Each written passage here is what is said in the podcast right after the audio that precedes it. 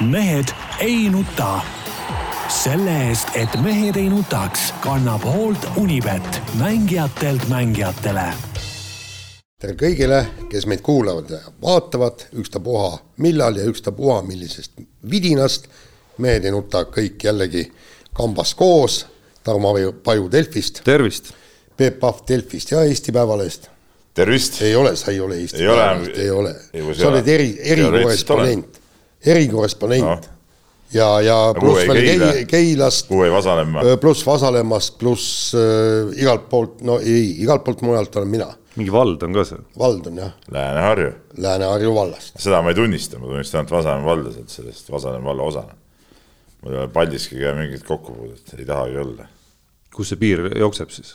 Vasalemma valla piir või? vana, vana piir? no vana piir loomulikult okay.. aga miks see piir, mitte mingi vana, mingi kihelkonna nagu minna kuskile ajas ei, ikkagi nagu äh, juurte juurde rohkem tagasi? vana külanõukogu no., külanõukogu järgi, mis kihelkond, ma pole seal elanud kunagi, see mind ei huvita üldse külanõukogu ja niimoodi selle järgi tuli vald, väga lihtne. nii, ja siis Jaan Martinson Delfist, Eesti Päevalehest, igalt poolt mujalt ja Lenini rajoonist järelikult.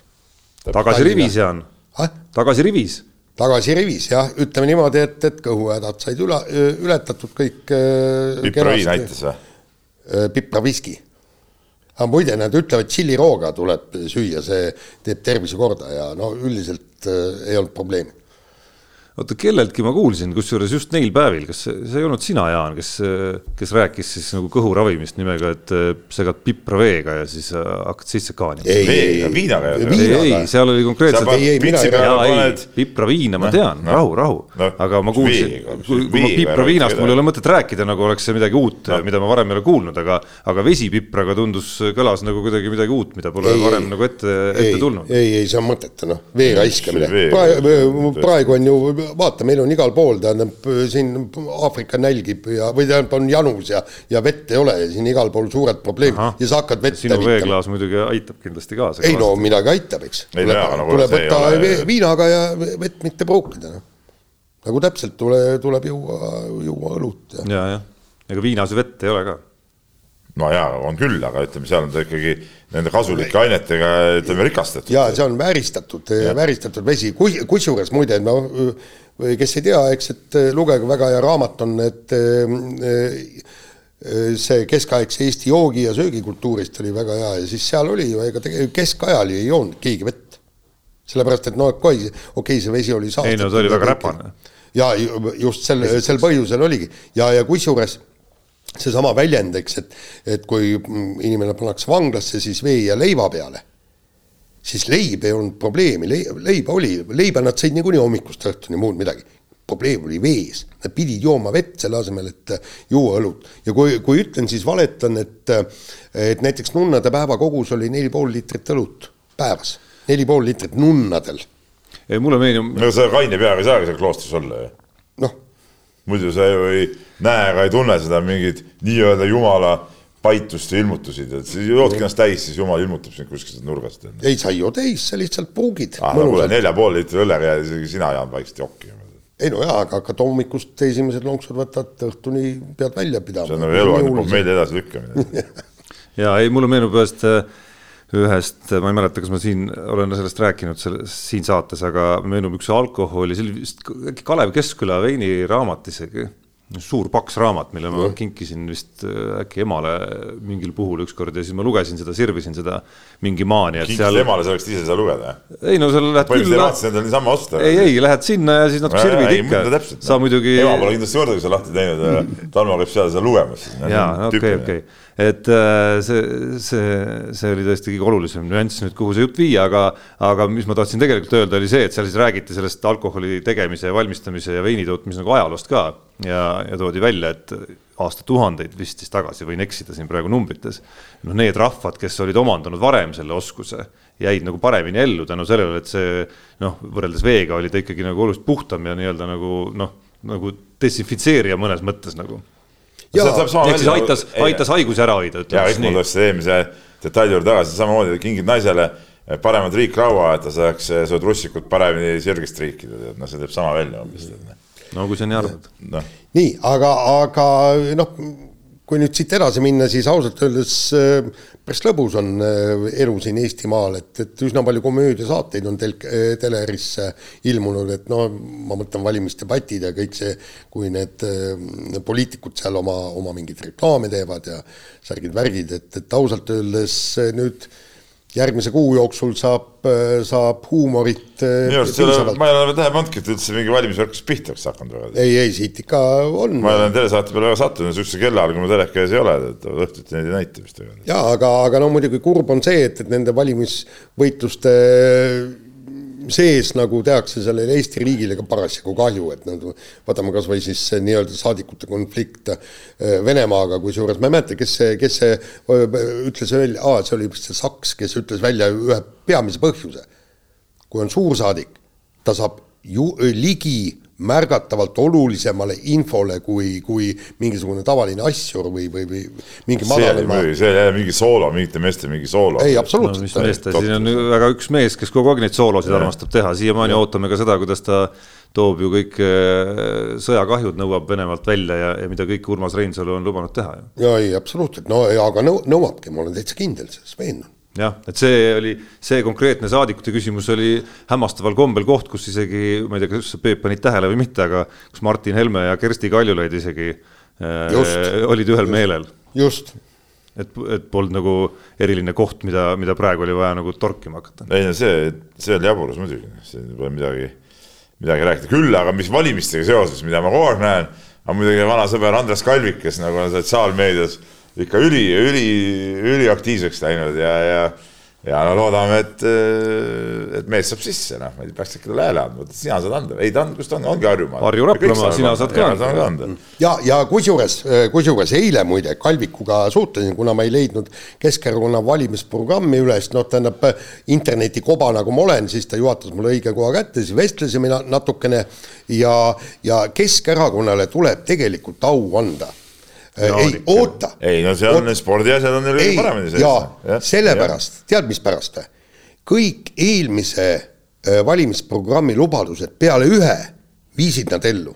üks, mida nad ellu ei viinud ja ka äh, härra Kalvik ütles, et see oli siis partnerite tõttu, et äh, ehitada Maarjamaa äh, jalgpallihalle täis aga kõik ülejäänud lubadused absoluutselt sajaprotsendiliselt oli täidetud. nagu ja spordist need... või nagu? ei, sport, sport, sport ja, ja need öö, lubadused olid, toetame, kinnitame, arvame no., leiame toetame, toetame. ehk siis nad neli aastat tegelikult ka leidsid noh, nagu midagi. kes seda midagi paremat tegi? olid mingil arvamusel, ei, ei, ma ei räägi sellest, ma ei saanud aru, et Jaan jõuab oma jutuga ikkagi kuskile sinna irooniasse ja sarkasmi. ei, aga see tegelikult oli eelmise aasta, eelmise aasta programm, ma tegin ju kõik see, võtsin kõik punktid välja, kõik nii oligi neil ainult, ainult siis sisuliselt üks konkreetne lubadus. kõik ülejäänud oli, oli täielik, täielik häma ja täielik jura. sel aastal muide on, on asi märksa parem ja ja, ja, ja, ja seal on detailidesse, detailidesse mindud ja, ja tegelikult, kui neid nii-öelda Keskerakonna valimislubadusi, vähemalt spordipoliitika suhtes vaadata, kui nad pooled sellest suudaks ellu viia, siis, siis me siin laua taga aplodeeriks, hõiskaks ja ütleks, et Keskerakond on kõva. tegelikult ka noh, aga, aga need on ainult lubadused, nii kahju, kui see nojah, aga vaata, kui isegi lubadusi pole, siis, siis nagu ei ole üldse midagi loota kui on lubadus, siis on vähemalt midagigi loota. No, ja, ja kus ja kus no Jaani loost, mida ta valmistab, ma saan aru, tuleb välja, et on neid parteid, kellel spordi osas ongi nagu tühjus. Ei noh, no neid on, neid on varem ka olnud ju, samamoodi. see, see on samamoodi, no ma ega seal mingid parteid ei võta, ei, ei pööragi selle üldse tähelepanu.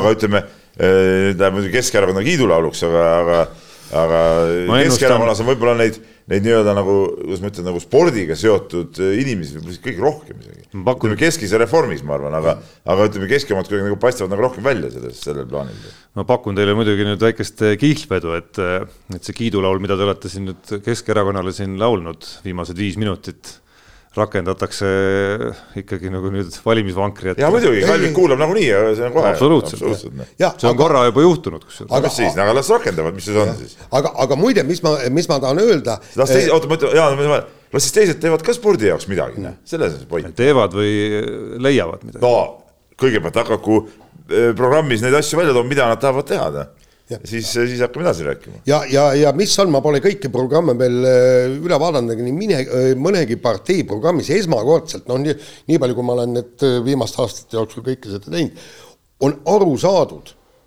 et haigusi ennetada on oluliselt odavam kui haigusi ravida ja, ja, ja sellepärast ongi, tähendab, et, et mitmed parteid on selle seadnud nagu, kes rohkem, kes vähem äh, prioriteediks endal. Ja, ja, ja just see on see, mida, mida noh, jällegi ma vaatan hästi palju põhja- no. haiguste ennetamine ja sport, ütleme sport kui selline, mida meie nagu mõtleme, ei ole omavahel muidugi seotud. Need on natuke erinevad asjad, sa räägid mm, praegu nagu, nagu mingist noorte liikumisest ja sellest, aga tippsport ja haiguste ennetamine on omavahel null seost. ei, ei, ta ei ole null seost. see, see on üks võimalus panna lapsed liikuma. täna me ei, just. ma räägin, sa räägid mingist laste liikumisest, see on teine asi. ei läbi tippspordi ehk siis läbi eeskujude, täna oli just jutt oli äh, sellest Uus-Mere spordisüsteemist, eks, kus nad on, äh, kus nad võitsid viis, äh, eelmistel olümpiamängudel, palju neid on, viis miljonit, eks, ja võitsid viisteist medalit, eks nii ja, ja, ja, ja seal noh, ma olen natuke seda Uus-Meremaa spordisüsteemi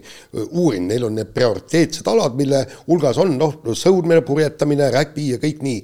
ja, ja, ja seal ongi, lapsed tahavad saada olümpiasportlasteks ja seal üle Uus-Meremaa valitaksegi neid alasid, ehk siis sõudmine ja, ja kõik, ehk siis lapsed teevad selle nimel tööd, kuna see on olla prestiižne, see on äh, tulus kuna neile makstakse väga tugevaid stipendiume ja kõik nii, ja, ja äh, lapsed tahavad saada tippsportlasteks, sest neil on äh, hulk ees. nõus, nõus, aga ütleme, meie need äh, programmid ei eelda seda, et, et tippsport peaks, tehtakse jube tulusaks, et siis lapsed tahavad sinna minna, see on nagu kaks erinevat asja. ei, ei, aga sa saad aru, kui meil tulevad need medalivõitjad, siis paratamatult muutub see, mul on, mul on kõige parem näide ja mis on täpselt ära äh, fa faktiliselt. mitu meeskond tuli juurde peale, pärast seda ei. äh, Tokyo triumfi? ei, küsimus konkreetne, vasta. mitu meeskond tuli juurde? tead sa, et ei tulnud? ei, ma küsin, ei mina ei tea, ma küsin Jaani käest, kas ta teab? Peep, ei, ma ei tea, sellepärast ma ei ole uurinud, aga ma toon, ma toon sulle ühe näite, mida olen aastate kaupa toonud, on see, et pärast Veerpalus Miguni võite, kui enne seda oli ETV noortesarjas, see oli vist äh, veidi teise nimega, oli seal paarsada võistlejat, siis ühel hetkel, ühel hetkel oli ainuüksi seal võistlejaid äh, neid, kes on startinud ja kes kogusid punkte, oli üheksasada viiskümmend. ehk siis sisuliselt neli korda tõusis see laste seas nii-öelda võistlussuusatajate arv, mitte, mitte lihtsalt, ma ei mõtle neid, et lihtsalt, kes lähevad sealt trenni, aga võistlussuusatajate arv, kes stardivad noortevõistluste ja koguvad sealt punkte. ja neli korda tõusis ja paari-kolme aastaga. ja, ja, ja see on väga selge ja konkreetne näide. nii, aga lähme nüüd no siis. jah, kas meil jäi küll eelmises saates üks äh üks väikene näpukas sisse, võib-olla peaks selle ka ära õiendama ikkagi, et äh, Peep, su mälu on kehvakene ikkagi, keda me kohtasime, kui me eelmise saate järel käisime väikesel lõunal ja, ja sealt lahkusime, kohtasime meie peatoimetaja Urmo Soonvaldi oh, ehk siis oh,, ehk siis õnnesoovid ikkagi õigus. õnnesoovid äh, aasta jalgpalliajakirjaniku no, tiitli eest. absoluutselt, no see oli tõesti, tõesti täiesti lubamatu muidugi eelmine saade. no prohmakas ikkagi, üks saate ajaloo suurimaid saate suurimaid ja tõepoolest tunnustatud eh, jalgpallispetsialist ja guru, mees, kes teab Eesti jalgpallist kõike, eh, ütleme, jälgib seda, eh, teda võib kohata ma ei tea, Sillamäe Kalevi ja, ja ja Narva Transi vahelise kohtumise tribüünil üksinda istumas ja, ja, ja kõike neid jälgimas, oskab peast lugeda ette teise liiga, kolmanda liiga, põhjatsooni seitsmenda koha oleva meeskonna koosseisu ja nii edasi no tõepoolest, aasta jalgpalliajakirjanik Urmo Soonvald. kusjuures Peep, ära ütle midagi, tänasel koosolekul näiteks äh, ühe teemaga seoses äh, tuli juttu, tuli juttu linnast nimega Volgograd. Äh, Volgogradi rootorid teavad ja, kõik. ja Volgogradi rootorid teavad kõik ja just nimelt Urmo oli see, kes juhtis tähelepanu, et seal on mänginud kunagi Sergei Pareiko. no loomulikult no., noh, no kuule, no see on elementaarne, kui, kui sa oled jalgpalli, aasta jalgpalliajakirjanik, noh sa elad ja hingad selles rütmis, no loomulikult sul ei lähe sihuke asi. Kunagi meelest, mina mäletan seda, kas seal mitte Valguri rootori ajal see, kui, kui Pareiko käis seal mingite ässadega kohtumas, et üldse klubis võiks jätkata, oli seal mingi kube, kubernerid pidid raha andma ja siis ta istus seal tähtsalt mingi laua taga. Oli, oli, oli, see oli, oluline teada. et sind, sind, Peep, ma siit nimekirjast ei leia No näiteks, ei- kuigi oled ka enda sõnul ikkagi nagu juba kuskilt Olen. eh, Mario Kempese aegadest No justkui nagu kõige pädevam inimene. ausalt öeldes ma olen. Ei, ei, ta on va- varasematest ainuke aegadest. asi, ainuke asi, mille pärast ma Urmo peale kade olen, nüüd see tiitel, noh, et, et, et ma ei tea, kes seal see Uibolet või kes see orgunnib seal, noh, kuule, ma olen ka ikka jalkadel käinud seal tribüüni peal istumas ja ma ei tea, äkki siis järgmine aasta, noh, ma saaks ka Urmoga ühele pulgale või midagi. jah, okei okay,, no räägime tõsise poole ka ära, et, et see tiitel siis Lõvide filmi, ei lihtsalt, et oleks et kuulajad ja saaksid, oota, oota, oota, oota, las ma räägin lause lõpuni et, et äh, milles, milles see lugu tegelikult on, et, et mille eest Urmole ja Mikk Jürjensile ja Kaur Kokale see tiitel anti, oli siis Lõvide filmi, Lõvide filmi väljaandmine, ütleme siis niimoodi. mina ei tea, kes neist kolmest, aga üks, ma kahtlustan, et see on Urmo. Et Urmo laenas minu käest Lõvide lugu seda raamatut. Aa, et selle eest sa oleks pidanud saama ka sinna nimekirja. nimekirjas, teiseks, teiseks, Urmo laenas minu käest absoluutselt korrektselt hoitud raamatu tagasi sain, sa nägid seda, mingisugused täiesti näritud äh, kapsad, ma ei tea Rotid.. ei, kas, kas seda filmi tehes äkki kõht läks tühjaks, naks-naks mõne, mõne lehe või, või kaane küljest väikse ampsaka või no midagi pidi olema igatahes, et noh, totaalne kapsas tuli tagasi. noh, ma ei tea, siin jalgpalliliit võiks nüüd küll midagi nagu ette võtta. aga ei, see kordustrükk võib-olla oleks asjakohane küll jah, et sinu nimi ikkagi sinna lisada, et meil oli ju ka laupäeval, Peep, sind kahjuks miskipärast ei olnud kohal. mul oli palju tähtsam üritus see päev. uusaasta pidu, jah, kus siis ka jagati erinevaid auhindu ja seal ka ühel juhul oli üks, üks auhind, mille lugude sari, kus oli autoreid rohkem kui üks ja seal kuidagi oli jäänud üks autor esialgu välja, nii et noh, Peep, tegelikult ma arvan, et kui sa apellatsiooni esitad, siis on võimalik sul ennast sinna möllida sisse küll ja saab see, saab see iluviga sinu äh, muus osas kuidas- ikkagi briljantsest CV-s nagu ära parandatud. ma ütlen, ütlen ära, et sel ajal, kui sina seal ütleme asutuse peol alkoholi manustasid. nii, sina ei manustanud, ma saan aru, sellel tähtsamal peol. mul hiljem manustasin, aga sel ajal, kui te juba alustasite, manustasite, algas meie pidu kurlingu turniiriga. Nii. ja, ja, ja, ja väga kõva, vaata, me käisime kunagi, mäletad oma saadet ka tegemas seal kurlingus. loomulikult kõik need võtted olid mul meeles, mängisin muidugi suurepäraselt. Võitu ei tulnud küll. ja sain eh, neljanda koha turniiril. mitme osaleja seas, osalejaid meid oli seal kakskümmend, üle kahekümne inimese. võistkondi ma mõtlen. täpsustame nüüd. võistkondi oli eh, poolfinaalide jagu, et ühesõnaga olid siis kuuesed võistkonnad, ma saan aru. eh, viiesed. ei, selge. no täitsa hästi läks siis, noh. jah, tubli, Peep. ei no kuule, nelja, neljas koht EOK toetus EOK toetus oli minu arust ka jah. esikümnesse no jõudis. see on äh, MM-il ja olümpial, eks. ei no aga mis see oota, mis see oli, kehvem üritus Jah.? kuule, abikaasa juubel. ei, Või ei? no eh, sõbra abikaasa Jah. juubel ja siis veel Ei, teise sõbra pidu nad veel korraga veel panid selle kokku, see oli, see oli, see oli väga tähtis üritus, väga tähtis üritus no vähemalt olümpiamängude tase. ja absoluutselt jah. ja tegelikult ma tundsin, et ma olen parem isegi kui see juhendaja seal oli seal, juhendas seal, noh, polnud midagi, ma panin kohe esimese naksti. aga mis valesti läks siis? Eh, kui sa nii hea olid, siis poleks ju teisi vaja olnudki, sina oleks kogu aeg seda kuuli Vaat seal häda, et- et- ja siis, siis sa oleks öelnud nii, teie minge ma eemale. olin selle mängu jaoks nagu liiga hea tähendab, et see, et eh, ma oleks tahtnud, et see väljak oleks pikem, noh. ta oli liiga lühike minu jaoks, see väljak, noh. see oli nagu piiratud, mul läks nagu sealt, see, ma viskasin seda kaugemale, noh, see oligi see jama, tead, noh. aga ma olin hea. vot nii. ei, meil on hea meel, me ei kahtle Jaaniga üldse. ei, ei absoluutselt. aga mul proua sai hõbemedali ja, ja tütar sai pronksmedali. see oli isegi oma perekonna sees, sa olid su kolme osaleja seas kolmas, ma saan aru. noh, jah, medalit ei antud. no nii, nii., kuule, aga lähme saate juurde ja võtame esiteks eh, niisugused eh, poliitilise teema ja mis meil juba ai, ja ajas juba närvi kohe mustaks juba enne saate algust. ja, jah Jah. no ütleme ja et seda väikest äh,, kuidas öelda äh,, lõbusamat pahepala oli vaja siia, et, et me siin võib-olla äh, saade liiga lühikeseks jääks. nii, jätkub siis Rahvusvahelise Olümpiakomitee täna ei soov, saa, ma ütlen, täna ei saa pikalt teha, ma pean äh, ühe, ma olen intervjuud tegema, nii et peame tegutsema kiiresti. nii, ühesõnaga Rock Rokk äh, tahab äh, Valgevene, Venemaa sportlasi taas spordiellu lubada ja. see on ja... hea, oota, vabandust, Jaan ja kuulajad ka, et see on hea, et Peep, Peepul on nagu mingi asi kokku lepitud, on ju.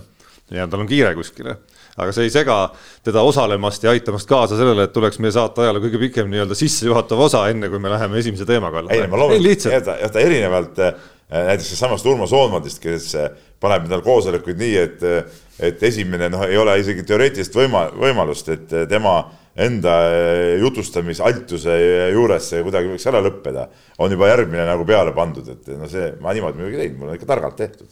aga me ei saa ka üle pingutada. selge, nii, nii., nii, ühesõnaga tahetakse Vene, Venemaa ja Valgevene sportlased taas spordiellu lubada ja äh, nüüd äh, kuskilt hakkas, kuigi, kuigi seesama jutt on ju olnud ka paar kuud, eks ma olen sellest no nüüd oli ikka natuke konkreetsem no,, natuke konkreetsem ja ametlikum see indikatsioon, mille, mille Rokk välja andis. seal oli mingi, kas seal oli mingi, mingi komisjon tuli kokku, kes seal nagu arutas seda? no ühesõnaga, ühesõnaga noh, tahavad tuua spordiellu tagasi ja nüüd siis tekkis küsimus, et, et, et kas Eesti sportlased peaks boikoteerima Pariisi olümpiamänge juhul, kui seal osalevad Vene ja Valgevene sportlased. Ja, ja siin on niisugune poleemika, poliitikud ja, ja, ja värgid, kes asjast mitte midagi ei tea, nemad leiavad, et, et vähemalt tuleks mõelda sellele boikoteerimisele kõik. no tähendab, enne, enne kui ma sõna üldse Peebule annan, ma ütlen kohe oma seisukoha ära, see on täiesti välistatud et, et, et Eesti sportlased peaks, kes tahab personaalselt boikoteerida, palun, palju õnne.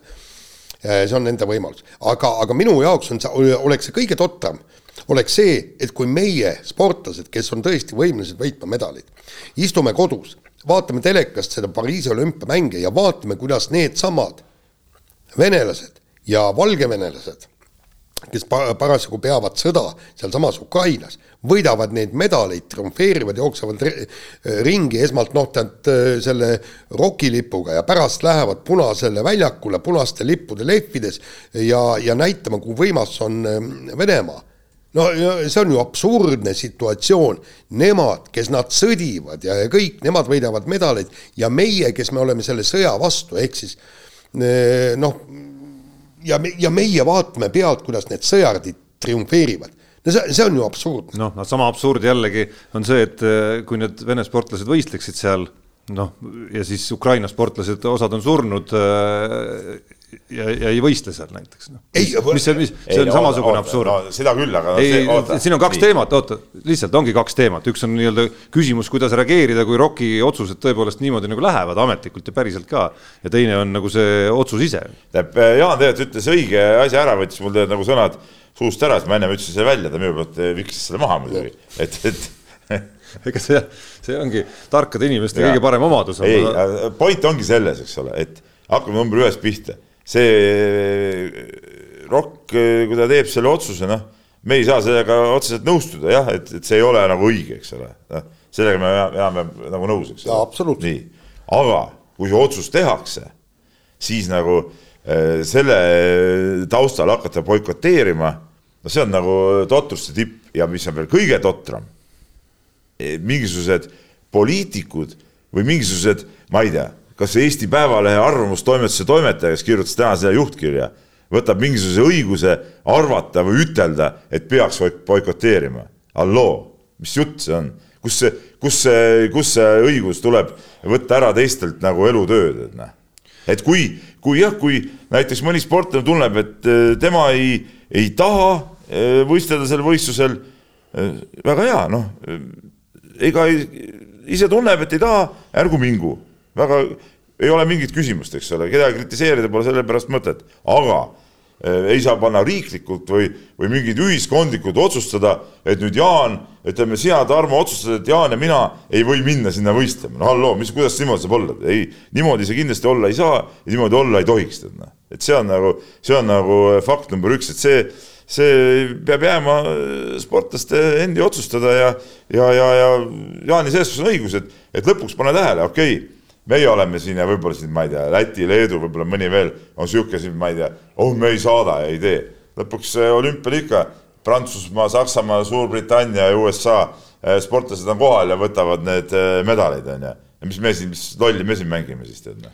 et see on nagu, see on nagu täiesti ajuvaba jutt, noh no,. see on täitsa, täiesti lubamatu, on sellist eh, propagandat hakata tegema veel mingisuguse, ütleme ajakirjandusväljaannetel, kes kes nagu omavad mingit, äh, mingit äh, sihukest, ütleme, arvamusjõudu tegelikult. Noh. no üldiselt me tegeleme kõik siin juba aastaid või aastakümneid arvamisega, et, et heita ette nagu arvamist vaata, tundub vaata, mulle nagu imelik. teine asi on näoga arvamus. et ja, ja. mul pole ütelda seda, kui sa kirjutad arvamusloo, et jah, sina arvad nii, palun väga, ei ole midagi ütelda, igaüks võib arvata, mida tahab. mina arvan naa, aga vaata juhtkiri, see on juba midagi muud ja sihukest no, asja ei tohi olla. no on ka juhtkirjade roll eh, üle, üle maailma arvata mingeid asju, millega kõik, millega, millega kõik ei pruugi, millega kõik ei ole mitte kunagi nõus tegelikult. aga juhtkiri peab olema ikkagi nagu konsensus, ma saan aru, et Jaan näiteks toimetuses ei olnud sellega nõus ja mina sellega ka mitte mingil juhul ei nõustu. no ma arvan, et maailma ajaloos ei ole ilmselt ka sündinud veel juhtkirja, millega sama väljaande sada protsenti. ja ma ei saa aru, millega tegeles sporditoimetuse juht sel koosolekul, kui juht kõik vastu. inimesed äh, alla kirjutavad, et äh, aga kui nagu selle boikoti nagu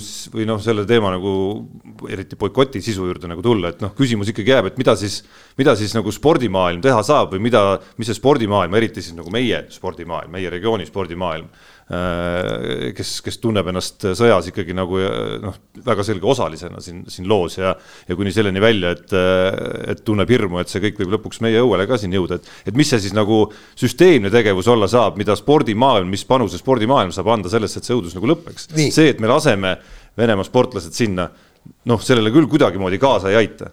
nii, äh, vaata, Tarmo, siin on kaks, kaks punkti, üks punkt on äh, see, et Rock teeb mõneti õigesti, mõneti valesti, et ta hakkab nii-öelda juhtkonna tasemel seda asja lahendama. kuidas on dem-, demokraatlikus maailmas, kuidas peaksid asjad käima? enamus otsustab või? just. nii ongi. enamus otsustab, tähendab, demokraatlikus maailmas peaks olema niimoodi, kutsutakse kokku Rocki kongress, igal riigil üks hääl ja pannakse hääletusele, kas venelased ja valgevenelased võivad äh, sporti tagasi tulla või mitte. tulemus oleks, ma pakun välja ja ma väga mööda ei pane, sada kuuskümmend seitse, kakskümmend kolm, selle poolt, et võivad tagasi tulla. küll. ja, ja, ja Tarmo, vaata, siis, kui nii oleks, siis oleks see nagu nii-öelda kohustus ka teistele aru saada, mõista ja olla sellega nõus et venelased tulevad tagasi, see on see nii-öelda no, demokraatia ja enamuse demokraatia. otsustamise juurde käib siiski ka see, et see arvestab nagu kõikidega, kaasa arvatud sellega, kes hääletavad teistmoodi. jaa, aga saad aru, kui Riigikogu võtab vastu mingisuguse seaduse ja, ja kui pannakse sealt häältega paika seadus, siis see ei tähenda, et kui mina sellega nõus ei ole, siis mina selle seadusega, siis mina võin sellest seadusest mööda vaadata, kui öeldakse, et liikluses on nüüd kaheksakümmend kilomeetrit tunnis, ma ei ole sellega nõus. no see on ikka saja kahekümnega. no ei, ma saan aru, mida sa mõtled, aga, aga siis tekib see küsimus, kas, kas me reaalselt nagu tahame selles siis osaleda või ei taha, olgu siis sportlase tasemel, üksiku sportlase tasemel aga, või siis. aga, oot, ongi, aga siis ongi see no,, et e, siis jääbki see spordi, üksiku sportlase otsustada. et kas, kas olgu üksiku, olgu võistkonna, olgu delegatsiooni, olgu riikide tasandil on ju, et, et kuskil on, kuskil on ikkagi nagu see mõttemehhanism ja ma ei ütle nagu reljeefselt välja, et seesama argument, mis te tõite muidugi, et võtta ära sportlase nii-öelda nagu noh, leib, eluunistus, kõik, kõik need asjad on ju, ja öelda kõrvalt, et te peate seda nii tegema, et see noh, see ei ole nagu mustvalge küsimus, et, et, et keegi kuskilt ütleb ja nii on ainu, ainuõige, on ju.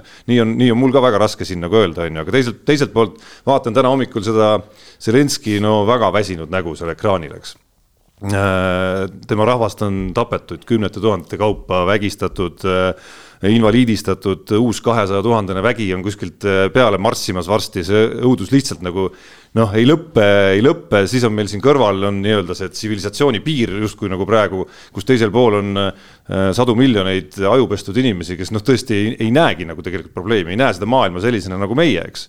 ja siis, kui me viime selle spordi noh, ma ei tea, kas te nägite Anu Välba saadet pühapäeval, kus, kus Raul Rebane oli külas ja, ja ta, ja ta näitas nägin. seal neid lõike Juri Tuudi intervjuust siis Just. näitleja Oskar Kutšeraga, kes noh, noh, ma kahtlustan, et ta on ikkagi nagu tüüpiline vene inimene hetkel, kes Venemaal, kes Venemaal eksisteerib ja kuidas ta näeb neid asju.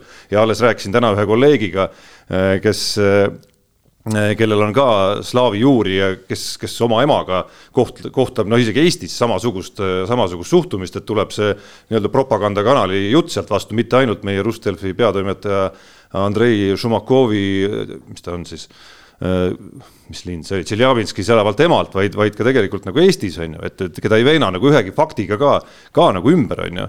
ja, ja siis ma mõtlen, et noh lõppkokkuvõttes on sport nagu meelelahutusvorm, sama, mis me saame kokku ja, ja lähme Peebu juurde sauna ja mängime seal, ma ei tea, Monopoli, oota noh, mõnes mõttes nagu on, selle ole, saab no. nagu standardiks viia ikkagi või selliseks nagu võrdluseks, on ju. ja, ja kui ühel hetkel tuleb välja, et ma olen, ma ei tea, vägistaja mõrtsukas, noh, te ei suhtle enam minuga, see sõprus on läbi. me ei, me ei saa enam kokku Peebu saunas, et, et, et kõiki neid toredaid õhtuid veeta. no jaa, aga vaata, nüüd on see küsimus, kellega me seda boikotiga, keda me siis karistame sellega? kas me karistame sellega Venemaa ja Valgevene sportlasi, ei karista, nemad no., nemad lähevad, võtavad oma medalid ikka ära. ja neil on märksa lihtsam võtta. kas me karistame sellega oma sportlasi?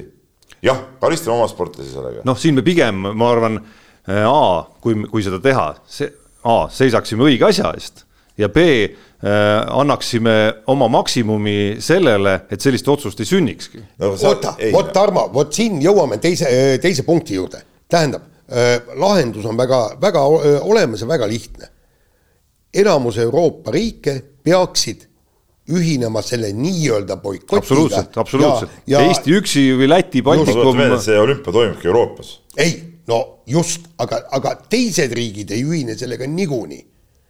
et kui Euroopa riigid pluss Ameerika pluss Kanada pluss Austraalia, Uus-Meremaa, Jaapan, võib-olla seal veel mõned, mõned niisugused suurriigid. no piisav arv. siis ma saan sellest aru, olümpia jääb ära. ei no ei, toimu olümpiat, sest käib parajasti sõda, arusaadav. Peep, saad aru, kui need riigid, keda ma mainisin. kui piisav arv riike no,, olulisi just, riike ja. tõuseb püsti, lööb selja sirgu, ütleb, kui see nii läheb, meie ei osale, see peab olema piisav arv. ja piisava arvu mõjuga riike loomulikult ka, eks. siis, siis see on see maksimum, mida need riigid saavad teha, aga selle, selle teine pool on jah see, et kui sa niimoodi selja sirgu lööd, sa pead olema valmis ka päriselt. aga mul on nüüd, mul on nüüd järgmine küsimus. kas me oleme nõudnud siis, ka Eesti Päevaleht näiteks oma juhtkirjas, eh, kuidas said Kaia Kanepi ja Anett Kontaveit osaleda Austraalia lahtistel meistrivõistlustel, kus eh, Vene ja Valgevene tennisist osalesid, kas me oleme nõudnud, et nad sinna ei läheks? kuidas saab, saavad Eesti rallimehed minna autoralli MM-ile, kui sa sõidab Venemaa rallimees, et, et, et kus see selgroog nüüd siis on siis, ma ei tea. teine küsimus jah, kus see piir ka jookseb, on ju, et mastaabid on erinevad. Okay. No, ei, ei. et, et tennise kõikidel turniiridel osaleda, aga olümpial ei tohi osaleda. no esiteks ei ole keegi nõudnud veel, eks. ei, me nõudsime seda. et äh, mastaabid ongi nagu erinevad, aga eile kusjuures ma kohtusin paari tenniseinimest, käisid meil podcast'i salvestamas seal ja just jäimegi arutlema, et, et tennisemaailm ongi kuidagi nagu väga kuidagi väga sujuvalt saanud nagu elada mingisugust nagu oma elu. jaa, aga, aga et, muide. no praegu oli selline üsna tubli Lukašenka sõdur nii-öelda, võitis äsja Austraalia lahtised. jah, no see ma räägingi, et aga..., et kuidas, et, et, et kuidas me nagu ühte nagu lubame, teist ei luba. Noh. jah, ja, ja, ja, ja tegelikult just see, et need osad alaliidud lubavad, et, et see on ka nüüd üks põhjus ja see on kindlasti üks argument ja väga mitmel pool on toodud välja need argumendid, pluss NHL, eks ju. no pluss NHL veel jah ja,, ütleme, mida ameeriklased, kuidas ameeriklased ütlevad, et me ei lähe olümpiale, kui neil mängib seal no ma praegu peast ütlen, ma ei tea, ma pakun välja viiskümmend, kuuskümmend AHL-iga koos sada võib-olla, võib-olla rohkemgi hokimeest, noh. kuidas sa ütled, et me sinna ei lähe? ei no USA-st ilmselt, kui me räägime nagu pragmaatiliselt sellest, mis poliitilised jõujooned või mis nii-öelda seisukohad kuskil on, siis USA-st ma usun, et Rock ei oleks sellise seisukohani jõudnudki, kui USA oleks resoluutselt vastu sellele. ei, ja USA oli üks nendest, ta ja. oli üks nendest, kes, kes tõi selle nii-öelda Rocki paneeli kokku, aga eh, just on toodud argumendid, et näete, NHL mängib, tennis mängib, maailm kokku ei varise, miks ei võiks teised sportlased nüüd tulla, aga neutraalse lipu all ja ta-ta-ta ja kõik igast äh,, igasugused muud asjad, aga no no ma, ma räägin, et, et ega, ega siin ei ole ju selles mõttes head lahendust. Teeme siis niimoodi, et Venemaaga üldse mingit äh, äri ei aja. kõik, paneme kinni, piiri, me ei, me ei võta enam naftat, me ei võta äh, ei mingisuguseid no mitte midagi. no see nädalgi vist on mingi tärmin, kus ei. Nafta osas jälle mingi järgmine joone tõmmatakse. ma just lugesin äh,, meie enda Delfis oli lugu maailma suurettevõtetest, kes jätkavad Venemaal tegutsemist. ei, ei, oota, Tarmo, mitte see, et, et kuskil Euroopa Liidus, meie Eestis sees, meie Eestis sees võtame vastu ükski auto enam üle piiri ei tule, see on täpselt niimoodi, et me kehtestame, nagu me räägime boikotist, Eesti sportlased boikoteerivad olümpiamänge. Ja nüüd me ütleme, Eesti ükski firma ei tohi eh, kaupa teha Venemaaga, ei tohi sealt midagi osta, ei tohi sinna midagi müüa, kõik, see on, see on ju täpselt sama, kui me jah, liinibussid ei sõida, mingit just. liiklust ei ole, nägin just äh, eelmise nädala lõpus Ecolance'i, Vene numbriga Ecolance'i bussi näiteks Tallinnas no.. ja ta tuli ju sealt. et miks miks me viskame Jotile need äh, vaesed sportlased, kelle tegelikult kogu see sissetulek, elu ja kõik, kõik see on seotud olümpiamängudega.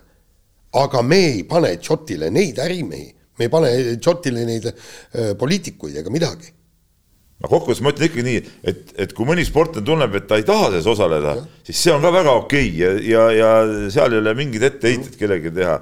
ei osale, arusaadav, aga ma ütlen, me ei saa nagu siukest omade inimeste karistamist nagu ette võtta, selles Jaanil nagu õigus, et siis lõpetame kõik ära, noh. aga no me räägime siin hästi palju boikotist, samal ajal kui, kui sellel otsusel oleks, kui see tuleks, ma ei ole täpselt aru saanud, et mis faasis see nüüd nagu täpselt on. ta, ta on et, väga kiires faasis, sellepärast et, et juba sa ei saa sellega venitada ju kuskilt otsast, sest sa kirjutasid alles tänases lehes on sul, oli sul pikk lugu vehklejatest, eks, ja, ja seal on ju väga noh, ülikeeruline kvalifitseerumise mehhanism ja ma tahaks Märtsis küll näha seda pihta. mehhanismi, mismoodi, mismoodi Venemaa naiskond saaks hakata noh, nagu sellesse mehhanismi nagu lisanduma. ei, ta peab olema maikuus juba esimesed võistlused, tähendab, siin ongi, nad peavad selle otsuse vastu võtma, ma pakun välja, et kõige no, hiljem, kõige hiljemalt märtsis, sellepärast et siis hakkavad juba kõik need eh, kvalif-, kusjuures osa kvalifikatsioonid juba käivad, eks, laskmises ja purjetamises ja ja kus seal on, eks, et aga, aga neil on viimane aeg võtta vastu see otsus.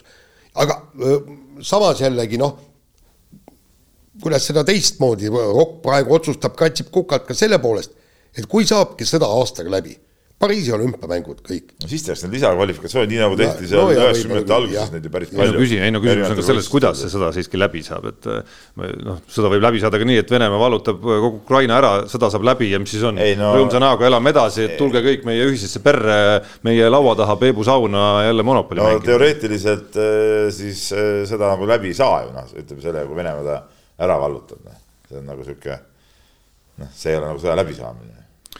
Väga ahastama panev on see, on see areng, mida, mida, mida me maailmas näeme. aga vahetame teemat ja läheme teema juurde, mida ma siin korra kaks lauset tagasi mainisin juba, ehk siis seesama eh, vehklemise olümpiale pääsemise süsteem ja Eesti vehklemisnaiskonna viimase aja käekäik sundis siis vehklemisliitu tegema väikese korrektuuri nendes reeglites, kuidas meie naiskonda koostatakse, naiskonnavõistluseks siis eelkõige. Eh, ehk siis, kui varem oli temal sõnaõigus ühe võistkonna liikme osas, siis nüüd kahe, ehk siis kaks tükki tulevad kodusest reitingust ja ja kaks tükki saab ta ise määrata, mis võimaldab tal siis lahti seletatult natuke lihtsamini tuua neid äh, kaua aega erinevatel põhjustel eemal olnud äh, Eesti olümpiasangareid äh, võistkonda sisse. kellel no, ranking, kellel ranking'u punktid on kadunud sisuliselt? no põhimõtteliselt see reegli muudatusele pani aluse ju need kaks naiskondlikku turniiri, kui me saime kaheteistkümnenda, kümnenda koha, eks. mis näitas seda, et, et praegu äh, naiskond, kus on olümpiavõitjatest ainult Irina Emrich et, et, et see ei ole võimeline muutma ennast olümpiale, no okei okay,, õnne korral, ma ei tea, kõik tähed, tähtede seis on soodne, aga, aga suur tõenäosus, et muuda. nii, ja nüüd ongi siis, tähendab ka nendel, kes nüüd seal nii-öelda praegu välja jääksid sellest naiskonnast. ehk siis Julia Beljajeva ei, ei, ei, ei no tähendab, ütleme need, praegu need mitteolümplased kes praegu naiskonnas on, eks, ja kellest üks siis praegu kanditakse võistkonnast välja, peab samamoodi aru saama, et Pariisi olümpiale tuleb esmalt jõuda neljakesi ja naiskonnaga. vastasel korral ei lähe mitte keegi olümpiale, eks. no keegi no või mõni üksik, eks. ei, aga, aga kuigi praeguse seisu järgi vist mitte või...? ei, praegu, praeguse seisu järgi läheks, edetabeliga vist keegi läheks. no tihvast on kõige eespool. jaa, just nii Äh, aga, aga, aga, aga see ongi ja minu meelest on te, tegelikult on ikkagi veel, mina oleks teinud üks pluss kolm. ei, äh, no see kaks pluss kaks on kõige mõistlikum äh,. tähendab äh, päris, no mingi, mingi süsteem peab olema, ei saa ju olla, et lõputult lihtsalt ühed ja samad neli sportlast on koondises, no see no. ei ole ka nagu loogiline, et noh no. Kuidagi, kuidagi mingid vahetusvõimalused peavad ju tekkima. oli ju, teistel oli võimalus kaks turniiri oli võimalus No oleks see- nad, oleks nad murdnud ennast ma mäletan kaheksa õigesti, Jaan, et eh, see sama see olümpiamedali eh, naiskond ka vist äkki ainult Dima Bilaeva vist äkki oli puudu sealt eh, ei suutnud ka ju eh, esimestel turniiridel midagi ära teha pärast olümpiat. ei saa äh, no ma tähendab pakun välja, et ainult Bilaev oli puudu sealt tookord. Tähendab, vaata siin ma, minu mälu nii kaugele ei ulatu. No olümpiajärgne hooaeg igatahes läks aia taha. nii, sest Beljajev ju võ- võttis kohe, võttis ei, ma räägin jah, ma räägin, temal igal juhul puudu. nii, aga, aga, aga si, siin ongi see, et, et meie kõige tähtsam eesmärk on viia ja, ja kusjuures olümpiamängudele, Peep, vaata, seal ongi, mis on, kui me paneks üks pluss kolm, nii, siis oleks vastutus äh, Kaido Kaaberma ja nende äh, vehklemisneidude pe- peal, kes lähevad nende kvalifikatsiooniturniirile, kõik nii, aga äh, saad aru, edetabel pannakse ju paika individuaalturniiride, individuaalpunktide põhjal. Ja meie eel, esmane ülesanne on jõuda Pariisi olümpiale, aga olümpial juba praegu reeglite järgi on endiselt kolm pluss üks. Ehk siis kolm edetabeli esimest lähevad vehklema no individuaalturniiri võiks eh, sellega ära muuta, see kaks pluss kaks võiks ka olümpia puhul kehtida, et see, sellega ma täitsa päri, et see annab treenerile ikkagi, ikkagi mingid manööverdamisvõimalused ka tähendab noh, et, et ja samas annab võimaluse ka nendele, kes siis noh, ütleme ennast sinna välja töötavad, aga kes võib-olla nagu võistkonnavõistluses võib-olla nii soosikud nagu ei ole. No eks see olukord- see on, see on nagu, see on väga mõistlik, väga mõistlik eh, muudatus oli see minu arust. no eks see olukord praegu vist noh, mitte vist, ongi nagu erandlik ka, et eh, kui Julia Beljajeva ja Katrina Lehise punktid on eh, noh, kadunud ja mitte sportlikel põhjustel, vaid, vaid muudel põhjustel. ja Erika Kirpul samamoodi just, et siis, et noh, siis tänu sellele on see tekkinud, et kui nad on nüüd tagasi, siis noh, vaevalt Kaido Kaaberma hakkab neid katsetama, kui nad ei ole individuaalvõistlustel kuskil suutnud veel noh, midagigi näidata.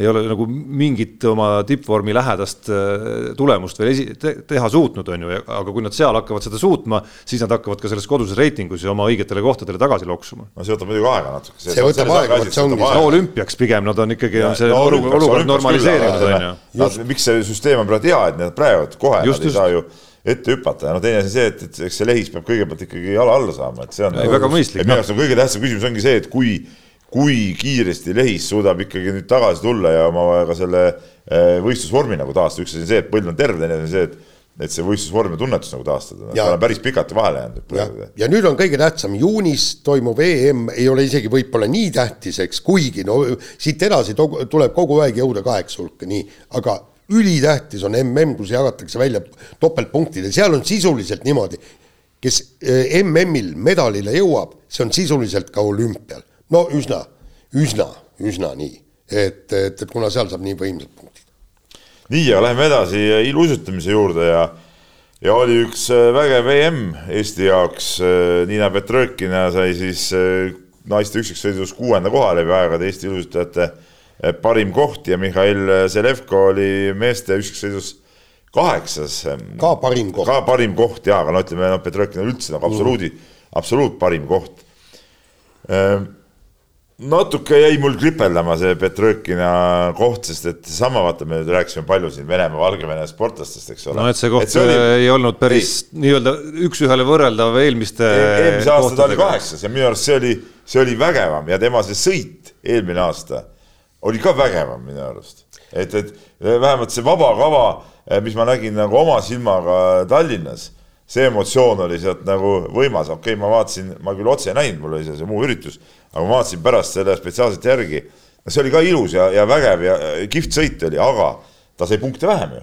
Sai ei- punkte vähem, ei- okei okay,, seal olid eksimused, eksimused sees ja kõik ja mis, mis on nagu kõige kurvem, et võib-olla Petrõkina äh, möhklas ära nii-öelda oma võib-olla elušansi tulla esikolmikusse, äkki järgmine aasta on juba need äh, venelased tagasi, me ei tea ju noh, me ei tea ju seda ja siis on juba raskem saada, see ja on fakt. noh. see, Peep, seal on tegelikult punkte anti kõigile vähem. vähem ja ma, ei, ma saan aru, ma saan aru, jah aga Ta- Tallinnas ta ei teinud neid vigu, mis ta tegi Just. seal. aga, aga seal Soomes. selgelt, oota ma ütlen veel kord vahele, selgelt ta ise oma eksimustega andis ära ligi kümme punni, noh, see on Ja. nagu selge, eks ole. Ehk siis see medal ei olnud utoopia. no muidugi, oleks Ja- kindel medal olnud. noh. ja, ja, ja kusjuures eh, mul võttis võttis natukene kripeldust vähemaks, kahjuks võitis see, et, et see šveitslanna üllatas, kes pronksile tuli, kes tegi perfektse kava ja, ja, ja tõusis tõesti pronksile ja tal oli kaks punkti kuni hõbedani. Kuni selle tema sõiduni oli mul ju pealkiri olema, et medalist ei puudu üks Ripperg Nojah. eks, aga, aga kuna see šveitslanna tegi niivõrd hea kava, et, et, et see, siis oli see medal, oleks olnud ka täiusliku kava puhul nippa-nappa.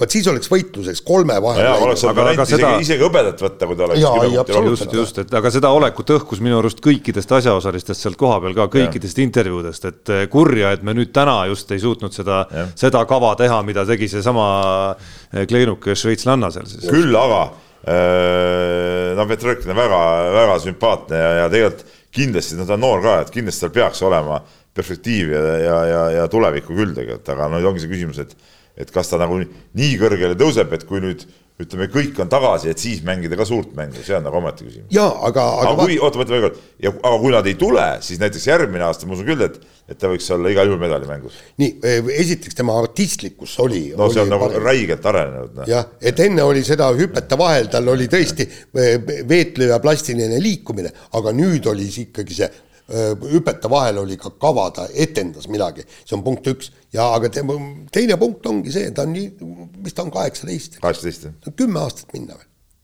ta on kümme, kümme, kaksteist aastat tegelikult minna, kui me vaatame, vaatame neid öö, vanemaid iluuisutajaid, Kostner, kui, kui kaua tema No tema sõitis päris väga kaua, jah. et ühesõnaga siin, siin on, tähendab, ma, ma, ma isegi seda väga, no okei okay, kui venelased tulevad, on asi märgatavalt raskem. aga venelastel on ka perioode, kui nad ei ole kolmekesi tipus. ja, ja, ja noh, ütleme niimoodi, et ka siis on võimalus, et, et ma arvan, et Petrõkina tulevik on, on üsna särav, kui noh. no ei tea jälle kunagi. kui tal õnneks kõik läheb. teemaloto kiibuse tulevik on ka särav, praegu on nagu raskes seisus, eks ole, võib-olla tuleb sealt üles, võib-olla ei tule, loodame, et tuleb, noh, kui meil oleks kaks. aga nüüd vähemalt selle eh, Petrõkin on tagasi ära, et järgmisel EM-il meil on jälle kaks tükki võimalik välja panna. ja, ja kusjuures mehi kaks tükki. ja mehi kaks tükki, see on, see on ka oluline, sest et Selevkole lisaks on ju tal vend ja, ja siis noh, Levandi ka veel on sealt eh, kusagilt tulemas, eks ole, et et ütleme, see üksiksõidu tase meil on ikkagi päris, päris nii, äge. nii vinget seisu meil ja, pole ja vist mitte ei ole, kunagi ei olnud. ole kunagi olnud jah. ei ole kunagi. aga noh, jah, et paned eh, vene sportlased näiteks juurde ja siis, siis ei ole kümme punkti enam, eks, mis lahutab sind sellest Ei, on medalist, vaid selgelt hoopis teise kvaliteediga kava peab olema. Tarmo, vaata seda, vaata seda Euroopa ei no meistrivõistluste kõik, meda- kõik kindlad olid maas medalivõite. jah. ei ole nii, et, et iga aasta on kolm esimest venelast, ei ole. ei, ei kolm esimest kindlasti mitte jah, aga noh. ja ei ole ka see, et nad on kogu aeg alati võitnud. jah no viimasel ajal ikkagi on olnud No äh, päris, päris, päris pikka aega on nad ikkagi tipus. No naistes. Nai-, ei, ma räägin naistest praegu, jah muidugi naistest jah, nii, aga võtame järgmise teema ja Eesti võr-, võrkpallimeeskonna peatreener Fabio Sooli taganes lubadusest ja lahkus peatreeneri ametist, seal on põhjus selles, et Itaalia ala- alaliit ei, lu- ei luba treenida ühtaegu klubi ja mõne riigi koondist, ehk siis peab trahvi maksma, oli see viiskümmend tuhat või sada tuhat eurot, enne seda Sooli andis teada, et et, et ta maksab selle trahvi ära või kui, aga jätkab Eestiga.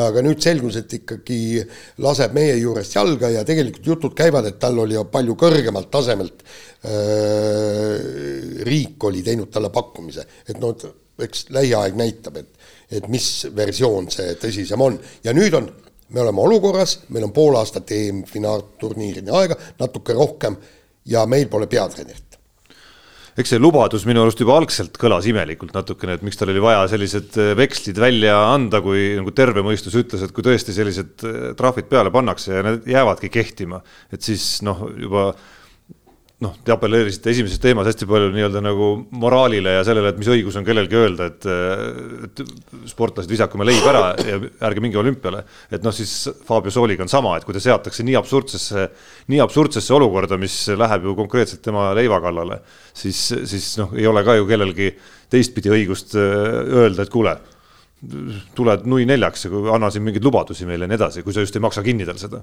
kuule, aga vot siin ongi, tähendab, ma ütlengi, see on jälle Eesti väiksus on probleemiks, et ütleme niimoodi, kui ta oleks olnud, noh, ma ei kujuta ette, kas no seal mingi Saksamaa koondise peatreener, Saksamaa alaliit oleks sada tuhat lauale pannud. alaliit jah, aga me ei saa siin nagu eeldada, et Eesti alaliit paneks üks raha välja. jah, eks siin, eks siin, siin mängiks. see reegel on muidugi täiesti. täiesti absurd jah ja,. aga siit. eks siin mängiks muidugi ka see, et ma ei tea, kui Fabio Sooli noh, see lühike aeg, mis ta on jõudnud olla, oleks noh, üks tõeline edulugu, et noh, võib-olla siis oleks ma ei kujuta ette, kust alaliit selle raha oleks pidanud välja kõik kaevama, sest see on tõesti nagu metsik summa ikkagi Eesti ükskõik mis alaliidu jaoks võib-olla, kui jalgpall välja arvata.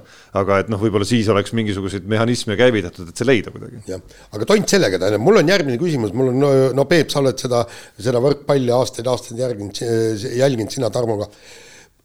Minu küsimus praegusel hetkel on, mida peaks Eesti alaliit tegema? sellepärast, nagu ma ütlesin, aega jääb EM-finaalturniirini vähe kas me peaksime otsima treenerit kuskilt piiri tagant, aga, aga arvestage, see treener esmalt peab öö, tegema endale selgeks Eesti võrkpallikoondise mängijate võimed, värgid, särgid, kõik, süsteemi, kuidas Eesti mängib, Sooli üritas seda mängu kiiremaks ajada, väga ei õnnestunud.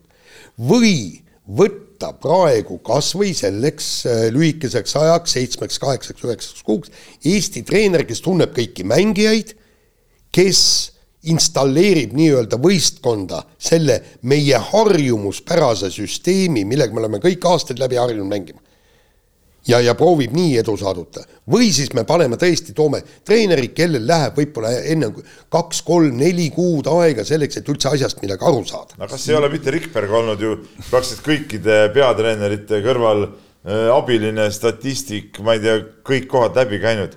minu arust Aga..., minu arust ka karjuvad kõik tuled Alar Rikbergi suunas praegu. et äh, no andku minna, no anname talle sinna kõrvale, ma ei tea, Vassiljevid ja, ja mehed, kes meil siin on, targad mehed kõik olemas noh, Ojamets, kõik, meil, meil on tarku inimesi. et minu arust võiks rahulikult praegu selle, selle lükke ära teha ja, ja tunneb kõiki mängijaid, tunneb no kõiki süsteeme, mis koondises on tehtud, äh, analüüsivõime ilmselgelt olemas, kõik on olemas, no davai, no las on teeb. saanud, on saanud oma peatreeneri kogemuse ka kätte, on olnud edukas selles kogemuses. et, et ja. Äh, mis me peame siis nii nui neljaks seda nüüd jälle mingit äh, välismaalast tooma, kes hakkab mingit oma asja siin võib-olla ajama Pole aega praegu selleks. Davai, võta Pevkur nüüd ka neel alla natuke ja, ja, ja, ja tee Eesti, eestlastega ära leping. just, ja sa, ja samamoodi Rikbergi, et, et, et sinul ei ole ka praegu mingit võimalust, kui sulle pakkumine tehakse. keelduda? keelduda. selle, sellepärast, äh, et amoraalne täiesti. sind, ja ei, tegelikult küll, sind on vaja praegu. no me ei tea tema A mõttemaailma, tema plaane oma karjääriga, mitte ei, midagi. ei, ma, tore mees, ta on absoluutselt, ma olen nõus sellega ja, ja ta on väga sümpaatse mulje jätnud, selline natuke nagu võrkpalli Heiko Rannula, ütleme siis äh, võiks vist mingeid paralleele tuua kahtlemata küll ja ma usun, et Rannul on Eesti koondise järgmine peatreener, kui ühel hetkel see vahetus tuleb kunagi või vähemalt nagu ta liigub vähemalt selles suunas kõige selgemini kõikidest no, Eesti olla. treeneritest, äh, kogu austuse juures, Peep, sinu vastu. ei, mul Rannula teist... peatreeneriks saamise vastu absoluutselt mitte midagi. et, et, et see tundub nagu absoluutselt äh, väga loogiline selles ajaaknas ka veel ja selles ja. ajahetkes ka mõnes mõttes, kus me koondisena nagu asume, et siin on mingisugune põlvkondade vahetuse ootus, mis tundub, et pigem jääb venima kuidagimoodi, et, et noh, me ei ole nagu tahtmata nüüd kuidagi nagu sulge eos kuidagi nagu maha tõmmata, aga, aga noh, kasvõi koondise eelmine suvi ei, ei olnud ju nagu väga nagu hiiskama panev, et, et mulle tundub, et siin võib-olla väike restart mõnes mõttes võib-olla oligi kasulik ja teisest küljest on ta sellises kohas, kus noh, nagu väga palju kaotada ka nagu ei ole, et me ei, me ei ole sellises seisus, kus me vaatame, et see on nüüd, see on see üks turniir praegu, kus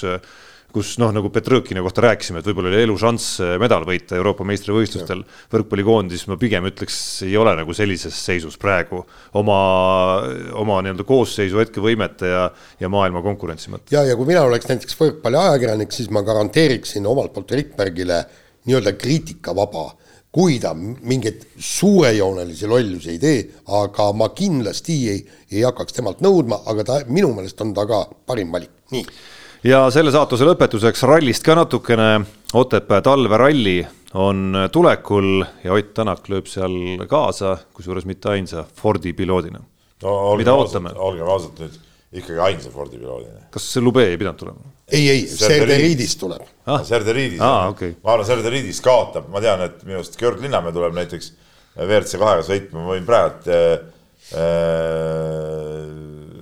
võiks teha isegi kihve, et selles liidis kaotab mõnele WRC kahele. aga tegelikult no huvitav oleks teada, miks ta tuleb, aga teine asi on ka see võib-olla, et temal ka proovitakse erinevaid sead-. aga no teine asi on see, et, et siin, mida oodata või, või, või vaadata. ega seal midagi oodata ei ole, ütleme sportlikus mõttes. ei oma see ralli ju äh, Tänaku jaoks mitte mingit tähtsust, see ongi ainult testimiseks mõeldud.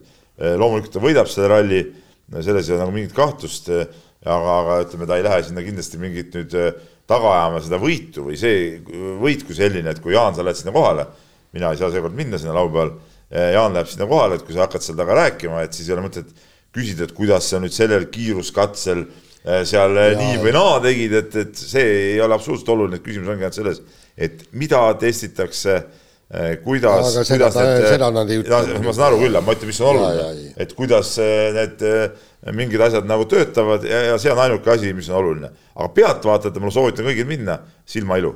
ja, ja, ja, ja põhimõtteliselt Ott Tänak võidab selle ralli juhul, kui ta Rootsi rallil võib öelda, auto on minu jaoks mugav ja ma saan täiega anda.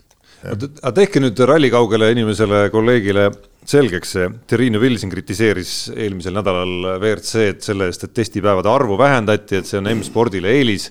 Äh, et kus see nagu loogika selles on, et, et sul on mingid testipäevad, eks, puust punaseks, tehke mulle selgeks, aga siis nagu rallil saad ka osaleda ja see ei lähe selle nii-öelda testipäevade arvestusse. ei lähe. ei, see ongi totter. see ongi, aga seda on varem ka kasutatud. no ei, on, on, sealsamal talverallilgi. ja mina, ei, minu arust see ei ole totter, minu arust see on väga hea, see hoiab äh, üldist rallielu äh, rohkem elus, äh, minu arust üldse testipäevad ära kaotada las käivad väiksed rallid. siin on nagu mingi vastuolu. palju suurem huvi nagu rallide vastu. minu arust on mingi vastuolu siin, et ja, või siis teistpidi on ei. küsimus, et miks siis seda rohkem ei kasutata.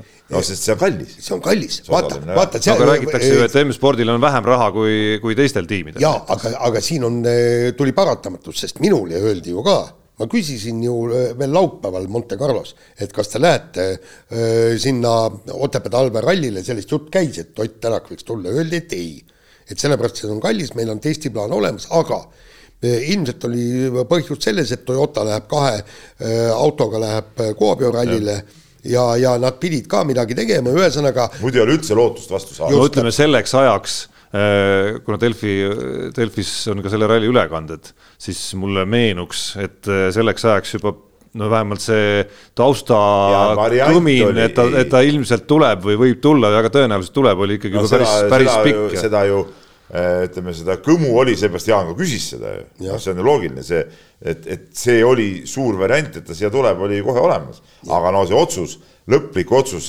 langetati ilmselt ikkagi nagu hiljem. ja, ja, ja, ja vaata, mis asja tegelikult teeb totraks, no ma mõtlesin selles mõttes Peep Totter, et me kärbime testipäevade arvu selleks, et raha kokku hoida, aga tulemus on nüüd see, et võistkonnad lähevad väikest, väikestele rallidele ja kulutavad veelgi rohkem raha. aga ütleme, see ralli oma olemuselt, väike ralli on ikkagi nagu äh, kuidas ma ütlen, autospordi või rallispordi jaoks positiivsem kui mingi suvaline testipäev. ei no muidugi, nad on, on ju fännide silme. absoluutselt, seda mõtlengi. ja aga, aga, aga muidugi teine asi on see, et, et kui nad tõesti nagu need testivad, neil on testipäev, nad varahommikust hilisõhtuni ja nad saavad kordi ja kordi ja kordi ja kordi äh, proovida erinevaid seadistusi, siin on nüüd äh, põhimõtteliselt ainult sõita isegi, ma arvan, jah, sest seal nad ei pea, siin nad saavad ralli tead, kuskilt käib läbi, tuleb noh, nii nagu on see, ootad, ootad, aga siin on sul see Äh, servis on kohe seal raja ääres, põmm rajale, tuled tagasi kohe, teed väikse muudatuse ära, põmm rajale, eks ole, noh, seal on kõik see sinu jaoks nagu tehtud nagu. nii, aga laseme kõlli.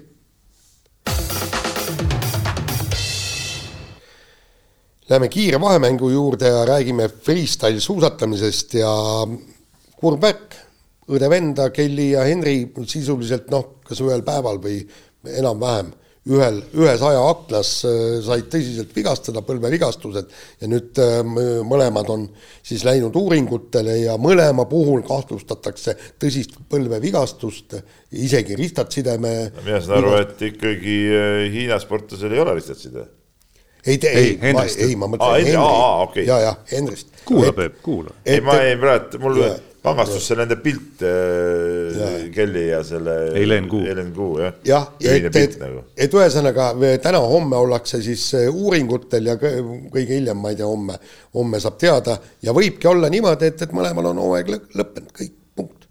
no vähemalt äh, jah, tahtsin öelda positiivse palve, et Delfi hoiab Matis Kalveti komandeeringu raha kokku. Aga aga- noh, aga no see on muidugi, see on nagu niisugune nagu, nagu nali selle kõrval, et eh, väga kahju oleks muidugi, tähendab, et kui küsimus ongi just nagu noh, okei, Henri on noor, noor poiss, tema eh, jõuab veel siin teha ja sõita, eks ole.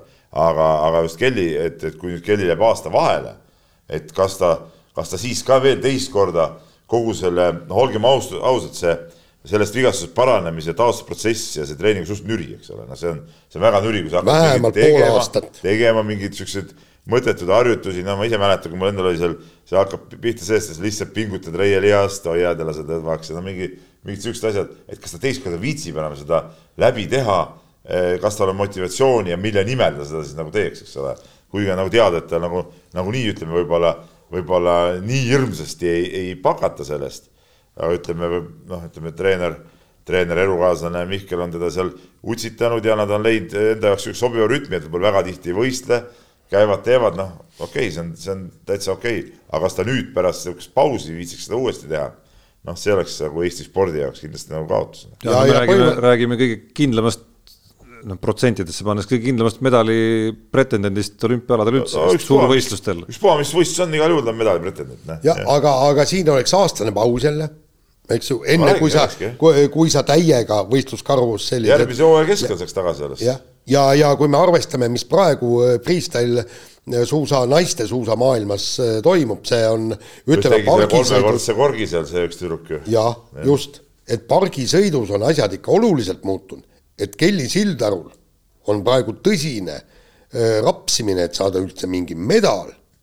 kuigi ta oli kunagi valitseja, aga, aga õnneks nüüd siis see nii-öelda rennisõit äh, meil äh, spe-, spetsialist sel alal äh, Madis Kalvet näitas, näitas ette, et see rennisõidu, kes võitis X mängud, no see oli no naeruväärne, et seal, seal noh, Kelly Sildar oleks selle ilmselgelt ära võitnud. kas Madis on ka noor reporter, mul tekkis küsimus. no ta on noh, keskealine reporter. jah, no tegelikult ta on ikka nagu jah, lapsreporter olnud kogu aeg, aga noh, jah. Nii. aga ta on saanud ootamatult keskealiseks Aga- hakkab lihtsalt vanaks jääma. aga, aga mis, mis mees on siis Stefan Sorokin? olümpiafestivalil Eesti sai pargisõidus hoopis sealt medali. mina, päris, mina ei päris äge midagi. lugu. mina ei teadnud mitte midagi ausalt ei, ega mina ei teadnud ja noh, umbes siuke mulje jäi küll meie seal spordigrupis, no kõik oleksid ju Sorokin medal. ei no Sorokin. perekonnanimega on küll tuttav nimi, aga hoopis muudest valdkondadest. näiteks vist mitu venda oli isegi seal, tead. aga ei no jäi siuke mulje nagu seal kõik seal, oi no see on normaalne, et see pidigi tulema umbes. noh, ei, aga tegelikult oli, ma olin küll täitsa suu lahti. oli täiesti üllatus ja ütleme nüüd niimoodi, et, et veel Henri Sildaru tasemel ta ei ole, kuigi tal on punktid täis, ta võiks MK-sarjas kaasa lüüa, aga ta on veel areneda, areneda, areneda. jumal, kes kui tema treener on? See nimi oli loos täitsa kirjas, aga ma Oli, peast peast ei mäleta. jah,, aga, aga aga nad on käinud ka Sildarudega, Henriga koos on käinud treeninglaagrites ja kõik, et et, et ühesõnaga noh, suur pluss, kui meil on ka sealt midagi oodata, nii et aga noh, sa ütlesid ka siin, et Henri Sildaru, kui peaks vigastus tõsisem olema, no et siis noh, pole hullu, et noor mees on ju, aga noh, samas on ta täpselt sellises eas ja kohas oma karjääris, kus ta noh, meeleheitlikult üritab teha seda läbilööki meeste sekka, et. nõus, aga seal võib-olla seda ohtu ei ole, et ta üldse ära kaob, ma arvan, ei ole nii suur see oht, kui on. Kelly puhul, noh, seda ma mõtlesin. loomulikult vigastus igal juhul halb, noh noh, igal juhul on see teisalt, teisalt on ta jällegi nagu spo-, Eesti spordisüsteemi mõttes sellises nagu hapras kohas, kus eh, noh, ei ole vahendeid lihtne leida, kui sul ei ole ette näidata meeste tasemel mingit tulemust ja kõik, kõik see pool sinna juurde tuleb ju ka leida ja, ja ma pakun, et see on iga aasta aina kehvem, et et justkui see noh, lapsepõlve, noh, tiim on nagunii lagunenud, on ju suurte tülidega, nii-öelda lapsepõlve osa su sportlaskarjääris on ka läbi, nõudmised rahalised ka lähevad aina suuremaks, aina rohkem on vaja väljas olla, kõik, kõik, kõik asjad, kulutused samamoodi. et, et, et see selles mõttes lihtsamaks kuidagimoodi ei lähe, eriti kui sealt noh, tulemust ka veel nagu nüüd juba meeste seas enamasti ei tule nagu väga hästi kaasa. Jaa, aga no ega tal ei oleks ka tulemust praegu tulnud, et et meeste tase on ikka nii meeletult kõrge, et, et aga ta on oleks- ikka päris noor ka alles. no just, nii äh,, räägime kergejõustikust, see hooaeg siin kodus on ka läinud äh,, läinud hoogsalt lahti ja, ja jätkub hooga ka sellel, sellel nädalavahetusel Tallinna mitmevõistlusega, mida on võimalik ka otseülekandes Delfi vahendusel näha sellel või mitmevõistlusel erinevalt paljudest Eesti tippudest ei tee küll kaasa Hans Christian Hausenbergi, kes aga andis täitsa kepsaka intervjuu siin noorreporter Atsile vist, kui ma nüüd ei eksi, kus ütles, et ikkagi nagu niimoodi lihtsakoelisemalt väljendades, oma sõnadega öeldes, jõhker purakas on, on ikkagi sees ja siit on suuri asju tulemas ja tuhande, tuhandes meetris, mis kõige huvitavam, on ka toimunud arenguhüpe. kas usume juba ette või laseme tal ikka tõestada? No ma eh, tegin ka mingi nädal tagasi vist ta treener, eh, treeneriga loo. Ja, ja Harri Lembergiga ja seal ta ütles ka, et, et see tuhat meetrit ei tohiks nagu mingi probleem enam olla ja selgitas ära ka, miks nad nagu ei võistle, eks ole, et see kõik on loogiline. See, et purakas sees on, ma käisin ka seal Lasnamäel äh, seda võistlust vaatamas, vaatasin seda kaugushüpet ka, no ütleme, ta nii, nii hästi seal välja ei tulnud, see, mis ta mingi seitsme, kuuekümne peale äkki jäi või? no pole paha. ei, pole paha, aga noh, samas seal kuskil kuluaarides räägiti, ma ei tea, kas, kui tõsine see on, et mees on trennis isegi kõvasti üle kaheksa meetri. no otsiloos oli kirjas, et kõrge, kõrgema, et kõrgema paku pealt oli hüpanud siis äh, tugevalt üle kaheksa. aa, ma saan Atsi lugu õige. jaa, aga, aga ta oli äh, kaheteist sammu pealt. no mina olen kuulnud kaheksa kakskümmend nagu niisugust hüpet. jaa, et seal oli niimoodi, et, et kaheteist sammu pealt äh, oli kaheksa null üheksa hüpanud, see on see, mis tasandab selle viis sentimeetrit kõrgema ära, äratõuke paku, eks, et noh, et ja, ja siis täie hooga oli ka üle kaheksa, kõvasti rohkem jah, nii et. aga ütleme, seal võistluses tal sellist hüpet nagu välja ei, ei tulnud, et, et, et jah, noh. aga saab näha. Noh. noh, selge see, et sisevõistluse formaat talle sobib, noh, see on, see on nagu selge, et, et see talle sobib, aga noh, nüüd on see, ta teeb muidugi päris julge käigu, noh, et, et küsimus ongi selles, et, et et ega keegi ta käest seda kohta ära ei napsa, noh, et siin on nagu teisi üritajaid ka, aga noh, tõenäosus muidugi, et, et keegi selle koha pealt ära võtab, on ikkagi kaduvväike nagu noh, et see põhimõtteliselt saakski olla ainult ju, ju siis, kuidas Rosenberg. läheb mööda, ei, ei Rosenberg ei, ei, ei, ei teegi üldse, aga ah., aga, aga jah, et, et ega ei, seal ei ole väga palju variante, noh, seal on, seal on mingi üks-kaks võimalust, noh. okei okay. nii, aga lähme edasi laskesuusatamisega ja, ja on siin palju poleemikat tekitanud laskesuusakoondise nii-öelda töökorraldus, et Johanna Talijärv siis eh, sõitis eh, laskesuusatamise EM-ile võistlema, kuigi koondise peatreener Fjodor Svoboda soovis, et ta keskenduks MM-i eel eh, treeningutele, et, et sihuke vastuolu seal oli, no olen ka natuke uurinud ja kuulanud seda, et mis siis selle, mis siis selle mineku point oli, et, et Johanna võib-olla tahtis neid võistlusstarte nagu juurde saada, eks ole, et ta ei ole nagu võib-olla saab piisav starte teha, et noh, kuna pole seal jälitussõitu saanud MK-etappidel niimoodi, et see oli nagu see point, noh, seal mõned ilmselgelt MM-ile minevad sportlased olid veel seal, näiteks Läti koondis oli, oli täies koosseisus ja nii edasi. niisugune nii ja naa, et, et muidugi ma olen natuke seda meelt ka, et ikkagi kui treener ütleb nii, siis, siis peaks olema nii, et, et või no ütleme, see otsus võiks sündida kuidagi kooskõlas, aga kui ütleme, treener arvab ja kogenud treener, et see on kahjulik ja ütleme, plaanid on üles ehitatud nii, et see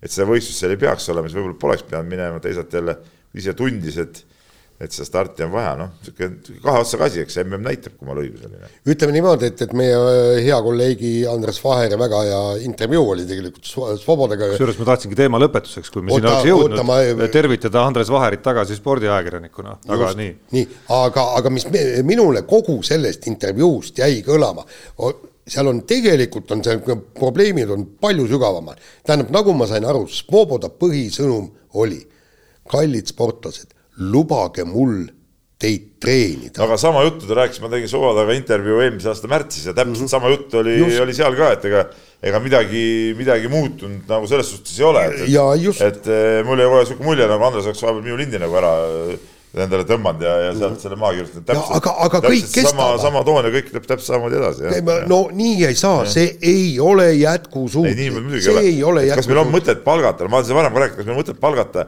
nii kõrgetasemeline treener selleks, et igaüks teeks nagu, nagu jumal juhatab. nii nagu ise arvab, jah. no meil oli sama, oli Hovantseviga, me tõime tõesti maailma tipptasemel treeneri, kes on siiamaani. ei, ei absoluutselt. Hovantsevi käe all siiski minu mäletamist mööda koondis tegutses ühtsena. sellist, sellist probleemi ei olnud. aga arengut ka ei olnud, arengut ka ei olnud areng oli lahja, Hovantsel läks ju poole pealt ära. kas Hovantsevi käe all mitte ei olnud see, see kord, kui medal oli päris lähedal või? ei, minu meelest ei. minu meelest ei olnud jah. minu arust see Avantsi periood jäi ikkagi, ma võin eksida, aga ma pigem olen Jaani poolt, minu arust see Avantsi periood jäi tulemuste poolest väga kesiseks. ja, ja, ja lõppes ka äkki. ja lõppes nagu ju varem, kui pidi. just. no ja seal oli ka muid küsimusi taga, kus noh, kus ütleme, kui sa võtad sellisel tasemel treeneri, siis sa pead looma ka sellisel tasemel no, mingisugused tingimused, on ju, et kõik need plaanid täita ja, ja nii edasi ja, ja nii edasi. jah, seda küll. võtame kiirelt järgmise teema ja Iisraeli korvpalliliigas särav kahekümne kahe aastane Itai Moskovitš äh, tahab tulla Eesti äh, koondisse mängima, tal pidavat olema Eesti pass, aga aga ilmselt ei tule, iisraellased tahavad seda endale, teadsite üldse see, see, seda story't ja seda, et, et niisugused no me tüübid... Tarmoga rääkisime natuke, me nagu teadsime teda natuke varem, kui see, kui see, ütleme, päris ajakirjandusest, ütleme, kirjutavast pressist välja tuli. aga seda kõik, kes tähelepanelikult korvpalli jälgivad, siis need pidid ka teadma seda varem, et aga no see selleks. Äh, ma ei tea, no minu arust see sihuke mingi vanaemade, vanaisade kaudu kuskilt äh, passi omavate sportlaste koondisse toomine on sihuke, see on jura tegelikult. no jaa, aga kui tal on mingidki juured. Jaan, Jaan, no las ma räägin lõpuni nüüd, et tal ei ole ju varem olnud äh, mitte mingit nähtavat äh, huvi selle vastu äh,. tal ei ole mingit, nii palju, kui ma sealt aru saan, ka mingeid suuri sidemeid Eestiga, eks ole, et ta siin käiks või oleks. Mina ise arvan, ma ise arvan et see oli päris osav käik tema poolt selleks, et et saada koondise kutse kätte Iisraelis. rääkisin sulle seda või? ma ei ja, mäleta, võib-olla rääkisid, aga, aga. kellelegi ma rääkisin seda ka, et pigem mulle, mulle, sul ei jää niisugust muljet, Tarmo või? no ei tunne ju ühtegi asjaosalist, ei ja. ole rääkinud ühegi asjaosalisega ja ma saan aru, et isegi Eestis noh, väga palju temaga nagu otsesuhtlust ju olnud ei ole. et see on üllatusena tulnud kõikidele ja kui ma vaatan peale selle mehe siis noh, tänavusele hooajale kasvõi eh, tema tasemele, tema noorusele ka sealjuures, sellele, et ta Iisraeli liigas mängides noh, circa kaksteist punkti mängus umbes viskab seal korralikus meeskonnas. noh, siis, siis, siis sa saad aru ja paned juurde, et ta on kahekümne kahe aastane, noh, siis sa saad aru, et ma näeksin tal Iisraeli korvpallis potentsiaali kindlasti, et tal on olemas nende parameetrite järgi, on tal olemas potentsiaal jõuda Iisraeli koondisse ja miks mitte kunagi mängida ka Tel Avivi Maccabis, me näeme seal, et, et sellel tasemel mängijad või sellised, kes on sellel hetkel karjääris olnud sellel tasemel, John Di Bartolomeod ja sellised mehed yeah. seal Maccabis, Roman Sorkinid, noh, on, võivad aastaid mängida Maccabis, et ses mõttes nagu tunduks, et tal ei oleks praktikas me teame neid olukordi ju palju iluuisutamises näiteks, kus lähevad Venemaalt, Valgevenest, äh, riikidest ära iluuisutajad selleks, et neil oleks üldse mingi lootus koondisse pääseda ja, ja riiki esindama suurvõistlustel. et, et, et sellel mehel paberite järgi justkui ei tohiks olla ühtegi noh, tõsist argumenti, miks ta, miks ta nagu peaks selle nagu tegema ja miks ta peaks, miks ta peaks olema Iisraeli koondise kutse osas nagu käega löönud et selles mõttes tuli, selles mõttes tuli sellel tasemel mehe puhul see üllatus, aga noh, võib-olla ongi tegemist patrioodiga ja tahabki Kelle? Eestiga siduda ennast rohkem ja no, nii edasi ja nii edasi, me ei tunne teda no,. et sellisel juhul ma, sel juhul, kui see nii oleks, siis miks mitte noh. see muidugi see perenimi Moskovitš nagu viitab hoopiski ka mingisuguse nagu vene, vene. Tallinitš peaks olema ah? või Tallinitš või Revalitš, Moskovitš, Moskva selles suhtes ja, ja, ja, aga ma ütlen, see nimi viitab nagu hoopis ka sealtkandi siuksele võib-olla verele ka natuke. ja mitte Moskva, vaid Reval. ja, ja, ja, ja, ja, ja, ja ma ei mõtle, mis asja sa sonitsid. nii, aga korvpalli juurde jääme ka selle saateosa viimase teema juures, nädal Keilas on rubriik, mis, milleta ei saa. tõsi, küsimus on, kas räägime Keila asjadest täna rohkem või, või räägime hoopis muudest asjadest, siin on isegi kiidunurk võimalik püsti panna, näiteks ülistada natuke Viimsi korvpallimeeskonda, kes võõrsil Riia VEF-ile kuidas öeldes, koti pähe tõmbas ikkagi, päris vägev võit nende poolt. see oli vägev võit jah. Äh, ühtlasi tahaks rihmutada äh, kolleege toimetusest, et ei näinud nagu väärilist äh, kajastust sellele. ja Kus oleks võinud tunda? rohkem Eesti meedias välja no, teha küll sellest. minu arust see ikkagi sellise väikse klubi jaoks see oli ikkagi suur võit, eks ole, et, et see igal juhul oleks pidanud saama, saama rohkem kõlapinda. Aga noh, ütleme see, kui üles-alla need asjad käivad, näiteks see, kuidas Viimsi sai järgmises mängus siis äh, Rapla käest korraliku äh, nähvaka, eks ole, aga, aga see ei, see ei võta neid muidugi ära, seda, seda VEF-i võitu, see oli, see oli vägev võit jah, midagi pole ütelda.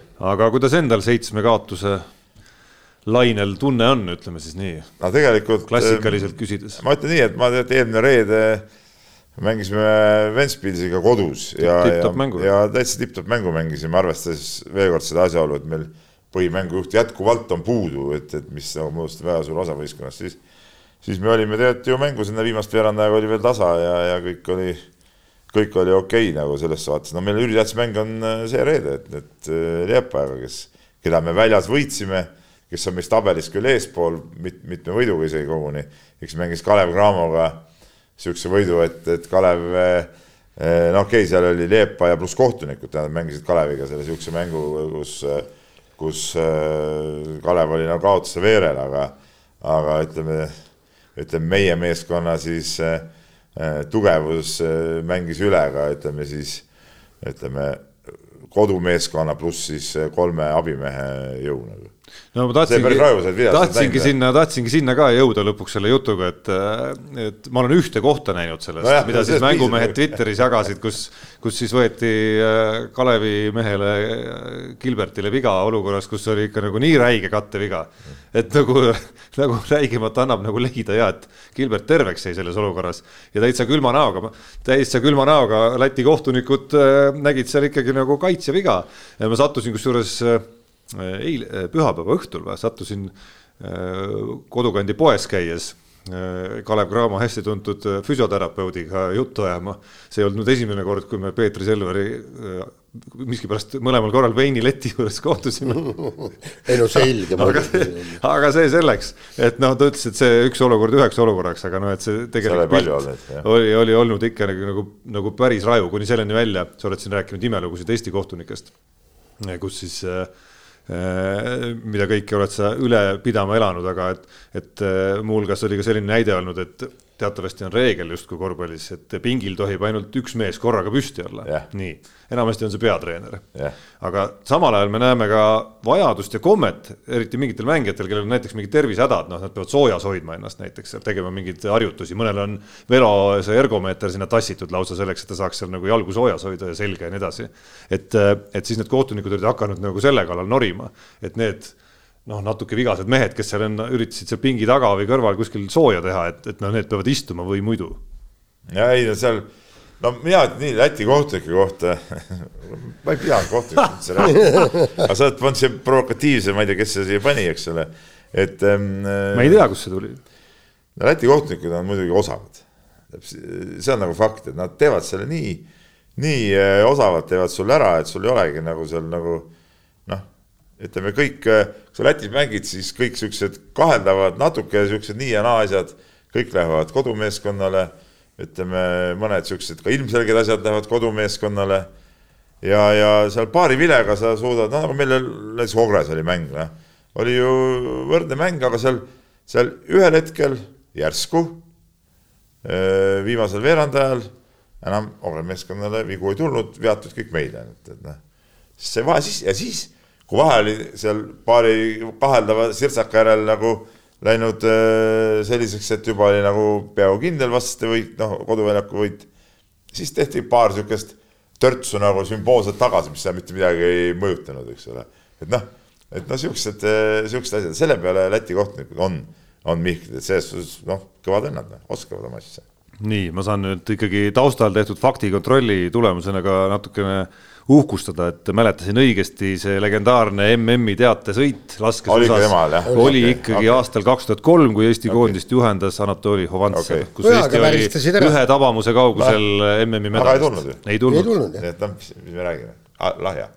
nii, aga laseme kõlli Unibetis saab tasuta vaadata aastas enam kui viiekümne tuhande mängu otseülekannet. Seda isegi mobiilis ja tahvelarvutis. Unibet, mängijatelt mängijatele nii, Peep, sina dikteerid kella nüüd. ja, ja, aga oota, Tarmol on vist Unibet. ei, ei, ma tean, aga sinu ja, ma... sõna maksab. no sa saad alustuseks rääkida oma suurtest võitudest. kas see, kas see stiil, millega sa eelmise aasta lõpetuseks Äh, mille sa varrukast välja tõmbasin, kannab sind edasi kuidagimoodi. ma ei mängi ennast ju kolmesaja peale, ma panen sama seisu pealt edasi et minul edulugusid, minul edulugusid ei ole, olen nagu tühja tööd teinud kahe panusega nullis ja ikkagi algpunktis tagasi. ja, ja mul, mul sama. aga ma unustasin ära, et see mäng juba pihta hakkas, nüüd, nüüd ma võtan ennast kokku. aga kuigi tiitlikaitsjana on mul nagu muidu täielik õigus lasta mahlamütsidel natuke eest ära minna ja siis, siis tulla nagu ikka et mängi, mis sa mängid, aga võidumees tuleb nurgast võidumees tuleb nurgast, sellist lauseehitust ma ei teagi originaalis. no saad aru, mees on vanaks jäänud. veel kaks-kolm aastat tagasi oleks. oleks olnud mingi muu mees. oleks muu mees. ja ei, selge ja, jah, okei okay. äh,. Unibeti eripanuse tellimus taas on sees, värskelt on tulnud ka nii-öelda tavapanused äh, siis selle nädala Fiba Euroopa karika mängudeks ja, ja BC Kalev Cramol, kellest me antud, antud saates rääkida ei jõudnud, on siis äh, nüüd juba noh, ikka elu-surmamäng võõral väljakul Kreilsheimis äh, Saksamaa klubi vastu. tabakoefitsient Kalev Cramol on, on kolm koma null viis ja, ja mehe teinud eripanus siis saab saab olema natuke tummisem. kaotuse korral on mäng läbi. ja no siis peaks olema küll mäng läbi. jah, et selles suhtes ülitähtis mängija ei ole, ei ole vist väga head seisud praegu Kalevil ka seal, et, et ei ole kõik mehed terved ja korras. nii, aga lähme siis kirjade juurde jah, ja Marek kirjutab meile, kirjutab nii. Viimas, viimas, mõnes viimases saates on eriti Peep kritiseerinud tulevase rallihooaja näitel prognoosivaid ja ennustatavaid eh, artikleid. ennetavat ajakirjandust, nagu mina seda nimetan ja, ja vale intonatsioon oli, ennetavat ajakirjandust, nagu mina seda nimetan, nii. Äh, aga kui asjale laiemalt vaadata, kas siis pole antud tendents valitsev ka muudes valdkondades peale spordi? igasugused eksperdid ja asjatundjad on viimastel aastatel ilmunud, äh, nendelt ilmunud põhjapanevad prognoosid nii koroonast, Ukraina sõjast kui energiakriisist ning enamikel juhtudel on antud sõnavõtud paari kuu kuni poole aasta jooksul olnud väärt täpselt nii palju kui paber, millele need olid trükitud. no, no nii on, no, nii ongi jah no, nii aga, tegelikult ongi. aga sina Tarmo, räägid, oi, teeme neid prognoose ja see on nii põnev ja nii huvitav ja no, kirjutage eellugusid ja, ja. no prognoosi tegemise noh, sa saad öelda sõna prognoos ja siis saad sinna sisse või, või sõnastada seda ka noh, lõpuks ju aruteluna selle üle, mis võib ja miks võib nagu juhtuda, on ju, et et kes suudab, kui täpselt, eriti spordi puhul, kus nagu noh, ma ütleks ennustamise nagu võimalikkus, noh, nagu spordi iseloomust tulenevalt ei saagi olla ju nagu, nagu väga täpne lõppkokkuvõttes, et eh, sport oleks väga igav, kui, kui väga lihtsalt oleks asjad ette ennustatavad.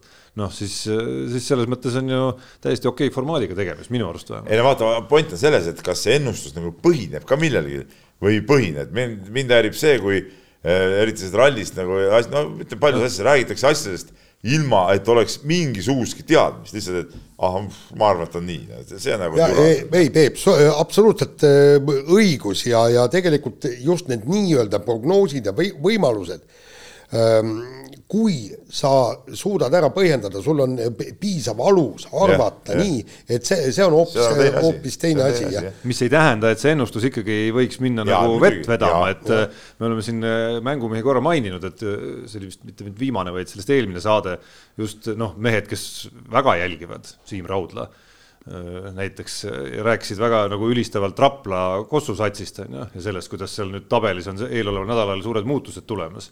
ja siis tuli seesama mäng Pärnuga, mille nad kohe ikkagi nagu tappa said, on ju, kuigi selline ootus ja eeldus pädevatel inimestel oli hoopis vastupidine. et ja. täiesti argumenteeritud, igati nagu kuskilt otsast ei saa öelda, et, et, et see ei põhinenud millelgi, aga sport. sport jaa, aga noh eh, mis puudutab üldse ajakirjandust, me oleme täna rääkinud palju siin sõjateemadel ka, aga ma ühele detaile tahaks veel nagu tähelepanu pöörata, et ähm, ja, ja see natuke on niisugune, ütleme, kas niisugune infosõja või, või propaganda maik on juures, et kui sa vaatad neid äh, päris palju neid igast neid sõjapäevikud ja asjad, mille pealkirjadest, kui võtta taha pealkirjad, oleks selline tunne, et no venelased kohe, kohe on kaotanud. Pole moraali, pole relvi pole sõdureid, äh, no kohe-kohe on läbi, sa, sul tundub sama asi? ei, mulle, mulle tundus see juba kuid tagasi, et ma olen ise ja, isegi ja ühel. aga siis ma vaatan no,, ei ole ju noh, et, et loed mingisuguse just nagu uudisloo, mis on siis vaatad, kurat, aga see on ju hoopis teistmoodi, noh, et, et see on nagu, nagu mingisugune veidus. mul on endal, mul on olnud endal hetk, kus äh, ühe kuskil kuid tagasi juba ühe Delfi erisaate eel, ma ise ei teinud seda, üks meie reporterid tegi just nagu ja, ja keegi meie nii-öelda sõjameestest käis seal just nagu rääkimas. Äh, just arutasimegi ja, ja palusimegi või palusingi ja arutasime, et peaks viima jutu nagu sinna, et kas see asi nagu on niimoodi ja noh, ja sealt tulebki see vastus sõjameeselt, et seda noh, nii-öelda lolli moona ja massi ja seda on venelastel küll ja küll ja see ja, ja ei tasu nagu noh, nagu selles mõttes pilvedesse minna. jah, aga tegelikult just sellel nii-öelda sõja, mitte propagandal või kuidas see sõjainfol ongi teatud kindlad reeglid äh,. Kuida, ja mõtlesin, see on nagu mingi infooperatsioonina natuke äh,. just ja tege-, tegelikult just on äh, eriti palju mõeldud sellele, et, et, et noh, okei okay,, ma olen sel, sel teemal no kas raamatuid isegi lugenud ja sealt kõik vaadanud.